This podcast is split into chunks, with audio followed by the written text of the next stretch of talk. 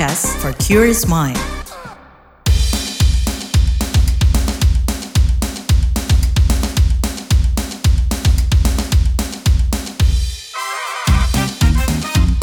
What's Trending KPR Pagi, siaran pagi radio paling update. KPR Pagi, siaran pagi radio paling update. Selamat pagi, apa kabar kalian semuanya di hari Senin 14 Agustus 2023. Kembali lagi saya Don Brady menjadi teman pagi hari kalian semuanya di What's Trending KPR Pagi pastinya. Jadi Presiden Joko Widodo itu tengah mempertimbangkan penghapusan sistem zonasi pada penerimaan peserta didik baru atau PPDB. Ini diungkapkan saat kunjungannya di stasiun LRT Duku Atas Jakarta Pusat 10 Agustus kemarin. Meski begitu, Jokowi mengatakan akan ada pengecekan mendalam soal plus minus penyelenggaraan sistem PPDB zonasi. dipertimbangkan akan dicek secara mendalam dulu plus minusnya ya Padahal sistem zonasi adalah sistem yang dikeluarkan Kementerian Pendidikan dan Kebudayaan dan mulai diterapkan pada 2017. Saat itu Menteri Pendidikan dan Kebudayaan Mendikbud Muhajir Effendi mengatakan bahwa melalui zonasi pemerintah ingin melakukan reformasi sekolah secara menyeluruh. Menurutnya zonasi merupakan salah satu strategi percepatan pemerataan pendidikan yang berkualitas. Tapi seiring berjalannya PPDB sistem zonasi, berbagai masalah muncul seperti di antaranya pemalsuan data keluarga. Sementara jika tidak mendapat sekolah negeri, maka siswa beralih ke sekolah swasta dengan biaya yang lebih besar. Di sisi lain, ada juga sekolahan yang hanya mendapatkan satu siswa.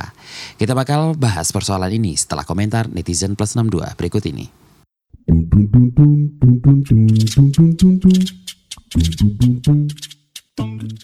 Pertama, at Peng XX. Presiden Jokowi pertimbangkan hapus PPDB zonasi. Kemendikbud bentuk satgas. At Jaya XX. Solusi terbaik hapus PPDB jalur zonasi. Membuat malas siswa yang dekat sekolah dan putus asa yang tinggal jauh dari sekolah. Kalau at F underscore XX yang masalah kira-kira orang-orang yang di dalam sekolahnya atau para calon wali muridnya ya om at Zan XX semuanya main mas maksudnya begini P2G ingin PPDB dievaluasi bukan dihapus karena kalau dihapus banyak ketentuan yang bagus ikut kehapus misalnya afirmasi terhadap siswa miskin di zonasi tersebut itu konsep bagus meski di lapangan berbeda at Randan XX mending hapus aja kalau evaluasi kayaknya udah terlalu telat at AgiXX. PPDB zonasi banyak masalah. Segera ditinjau ulang Pak Nadiem Makarim. Jangan kebanyakan berdalih bahwa kebijakan tersebut adalah peninggalan menteri sebelumnya. Kalau at Bu XX, jangan dihapus Pak D karena PPDB zonasi sangat bermanfaat bagi warga yang dekat dengan sekolah tersebut. Sebagai orang tua, saya nyaman anak-anak saya bersekolah dekat rumah. Berantas saja yang menyalahgunakan jangan dihapus yang sudah baik dan bermanfaat ini. Yang terakhir at AriXX. Sepakat PPDB zonasi itu bagus, hanya prosesnya yang perlu dievaluasi terutama karakter.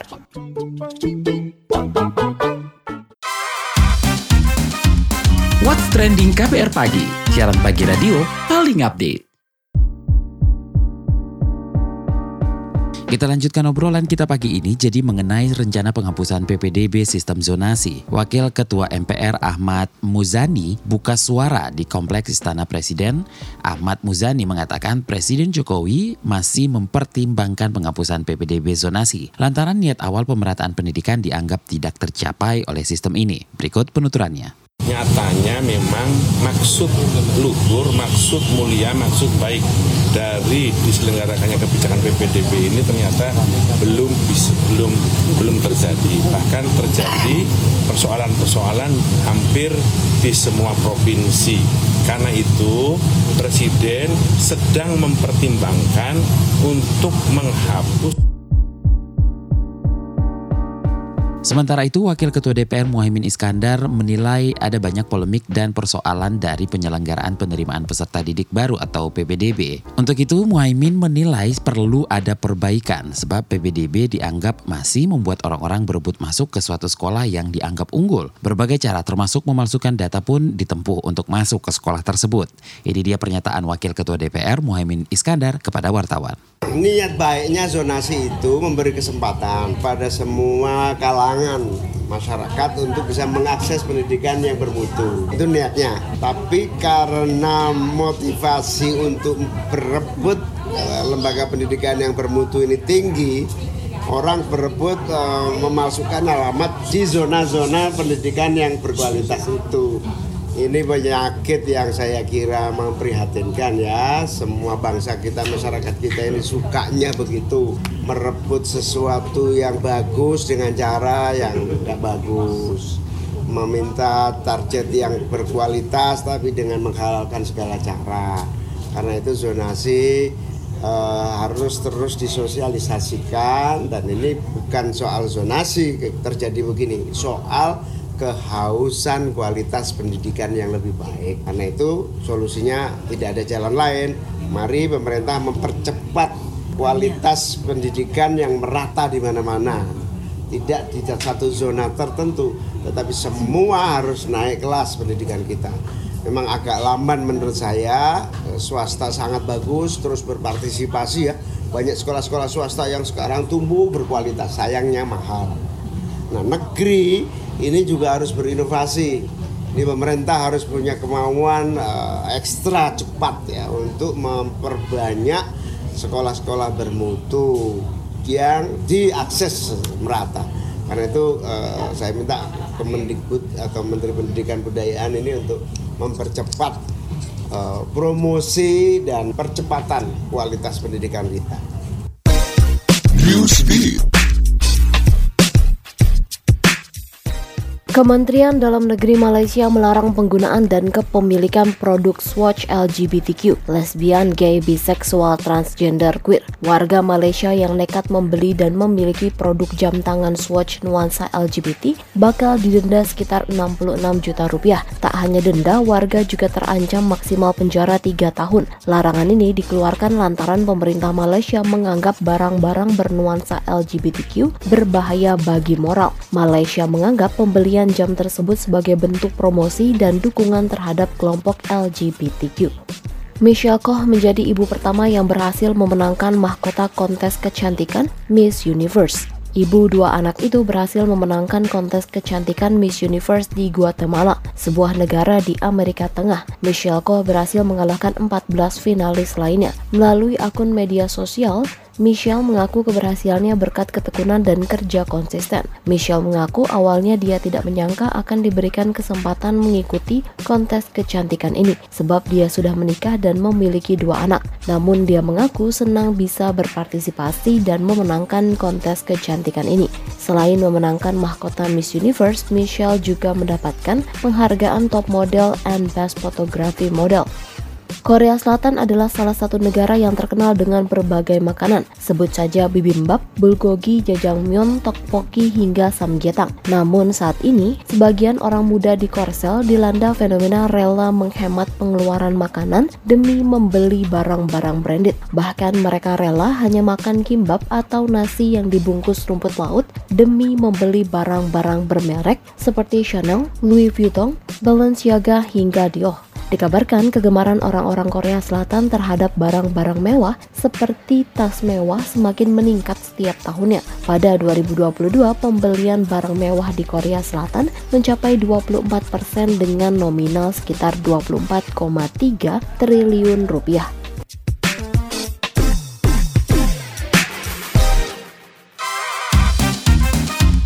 What's Trending KPR Pagi, siaran pagi radio paling update.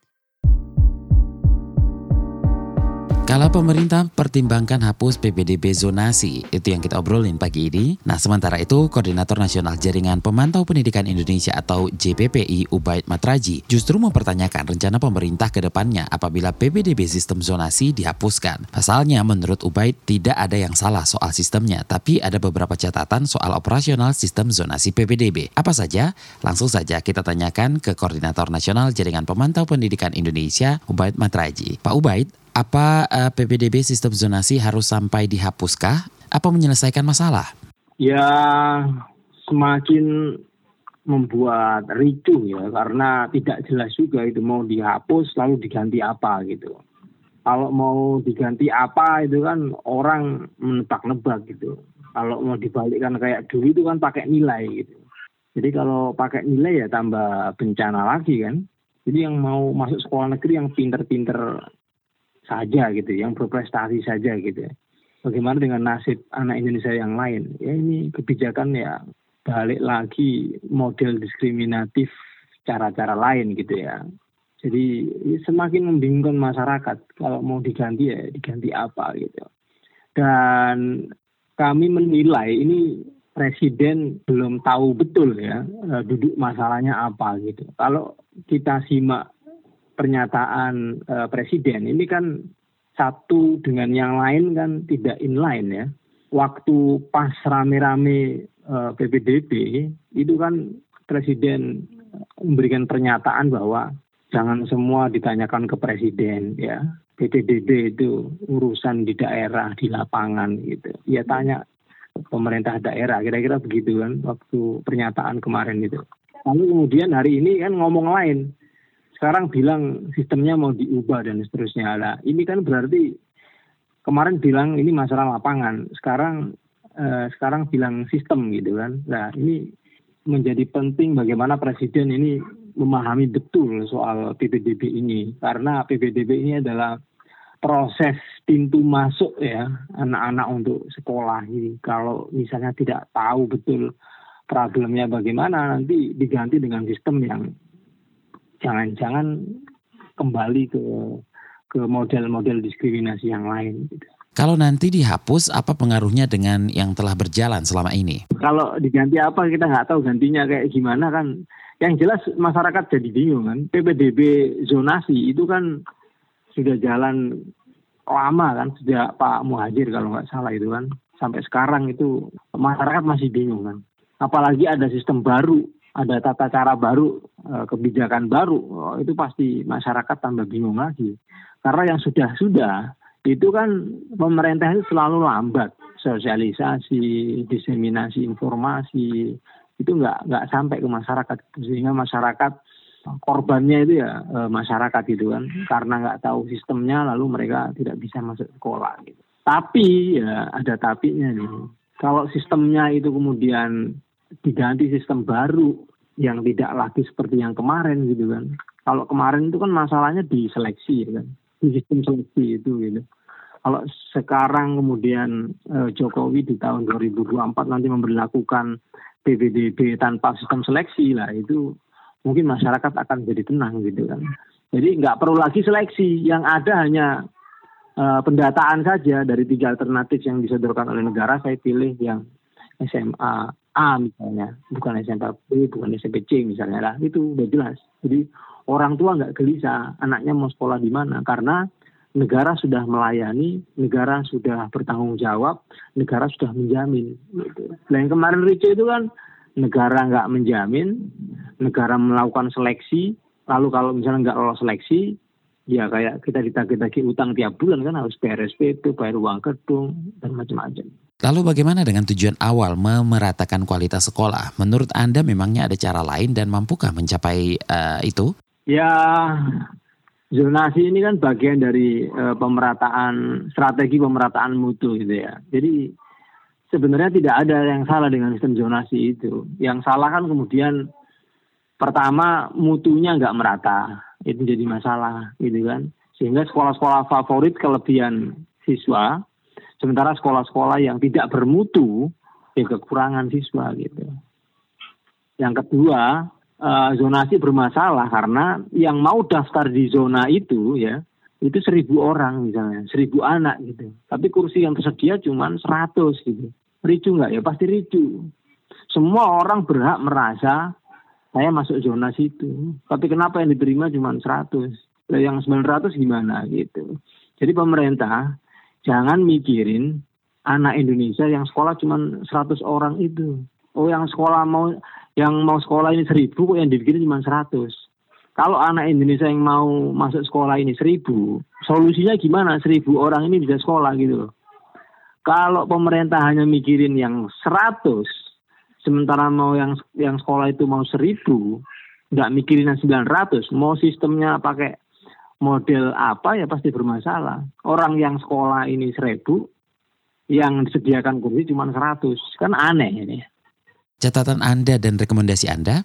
Rekomendasi dari JTPI ya sudah hapus sistem seleksi itu. Jadi nggak perlu ada sistem seleksi, ganti dengan sistem uh, undangan gitu. Jadi kan datanya sudah jelas ini tahun 2024 tahun depan yang mau masuk SMP itu berapa orang, yang mau masuk SMA SMK itu berapa orang gitu kan. Tinggal di data itu, datanya sudah ada semua itu di dinas pendidikan kabupaten kota, di dinas pendidikan provinsi itu datanya sudah jelas. Jadi tinggal disediakan saja. Kalau di provinsi A yang mau masuk sekolah SMP itu seribu orang, sediakan kursi seribu.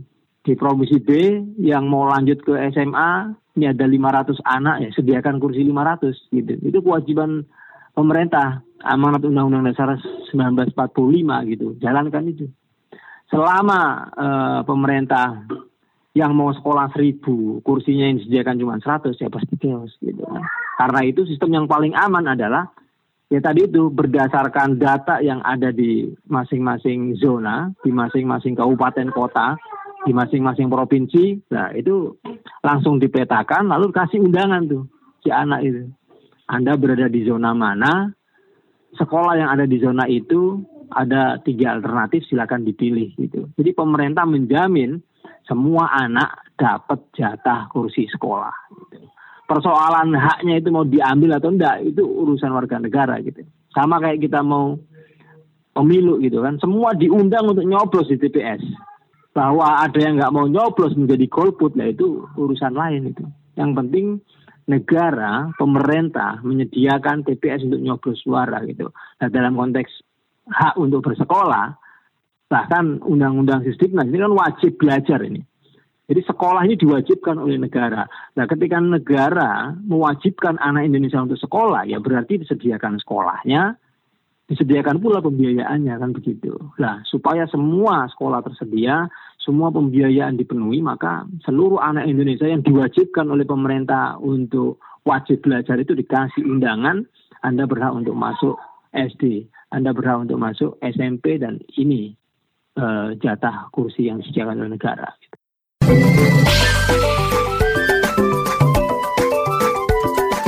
WhatsApp Indonesia. WhatsApp Indonesia kita mulai dari Jakarta. National Director Miss Universe Indonesia Poppy Capella membantah tuduhan dirinya terlibat dalam kasus pelecehan seksual. Poppy mengeklaim dirinya tidak mengetahui dan tidak pernah memberi izin soal body checking yang berujung pada pelecehan seksual pada finalis Miss Universe. Dia juga mengatakan dirinya menentang segala bentuk pelecehan. Poppy mengaku semenjak kasus ini ramai ada berbagai tudingan menghampiri pihaknya dan Miss Universe Indonesia. Dia meminta semua pihak menunggu hasil penyelidikan kepolisian. Tak tanggung-tanggung melalui Instagram resmi Miss Universe Indonesia, Poppy bakal melaporkan berita-berita bohong yang menyudutkan Miss Universe Indonesia. Masih dari Jakarta, Dewan Perwakilan Rakyat Daerah DPRD DKI Jakarta mengusulkan pekerja yang rentan terpapar polusi udara diberikan insentif. Ini disampaikan Ketua DPRD Provinsi DKI Jakarta, Prasetyo Edi Marsudi. Prasetyo merinci beberapa pekerjaan yang diusulkan mendapatkan insentif adalah polisi lalu lintas, petugas dinas perhubungan, dan Satpol PP. Prasetyo menganggap ketiga pekerjaan ini mengharuskan seseorang untuk terus berada di jalanan yang penuh akan polisi. Akibatnya, penyakit-penyakit seperti infeksi saluran pernapasan mengancam kesehatan mereka. Melansir antara, Prasetyo meminta pemerintah Provinsi DKI Jakarta meninjau ulang risiko kesehatan akibat polusi udara. Terakhir mampir ke Wonorejo, Jawa Timur. Menteri Pariwisata dan Ekonomi Kreatif Sandiaga Salahuddin Uno mengungkap desa wisata kebangsaan Wonorejo di Kabupaten Situbondo, Jawa Timur memiliki daya tarik keindahan alam dan keberagaman budaya. Hal ini terlihat dari kesenian rakyat. Tarian yang dikenal dengan nama Tari Jagat Kahuripan ini merupakan gabungan kesenian dari suku-suku yang ada di kawasan Situbondo seperti Jawa, Osing, dan Bali. Selain kaya akan keberagaman, desa ini juga memiliki pemandangan alam yang indah karena desa ini merupakan salah satu desa penyangga Taman Nasional Baluran. Demikian WhatsApp Indonesia hari ini.